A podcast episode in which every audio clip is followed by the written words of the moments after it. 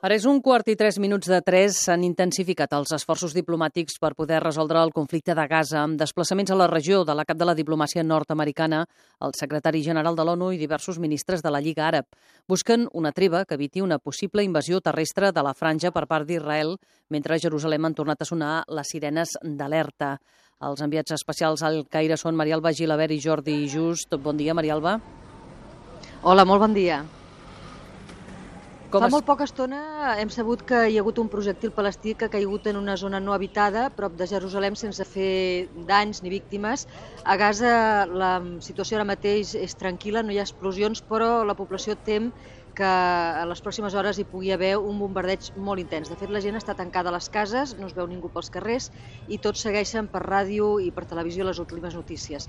Aquesta última nit han mort sis persones per, en alguns dels centenars d'atacs que hi ha hagut israelians.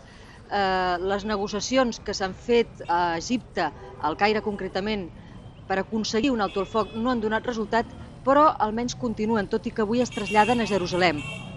El secretari general de les Nacions Unides, Ban Ki-moon, que ahir arribava a la capital egípcia, parlava abans de marxar cap a Jerusalem de la gravetat de la situació. El meu missatge és clar. Totes les parts han d'aturar el foc immediatament. Una escalada més intensa de la situació posarà tota la regió en risc. Israel diu que els atacs de les últimes hores han anat dirigits contra els amagatalls soterranis on es guarden armes i s'amaguen també líders de Hamas, a més de diversos indrets des d'on es llancen coets contra el seu territori. Gràcies, Marialba.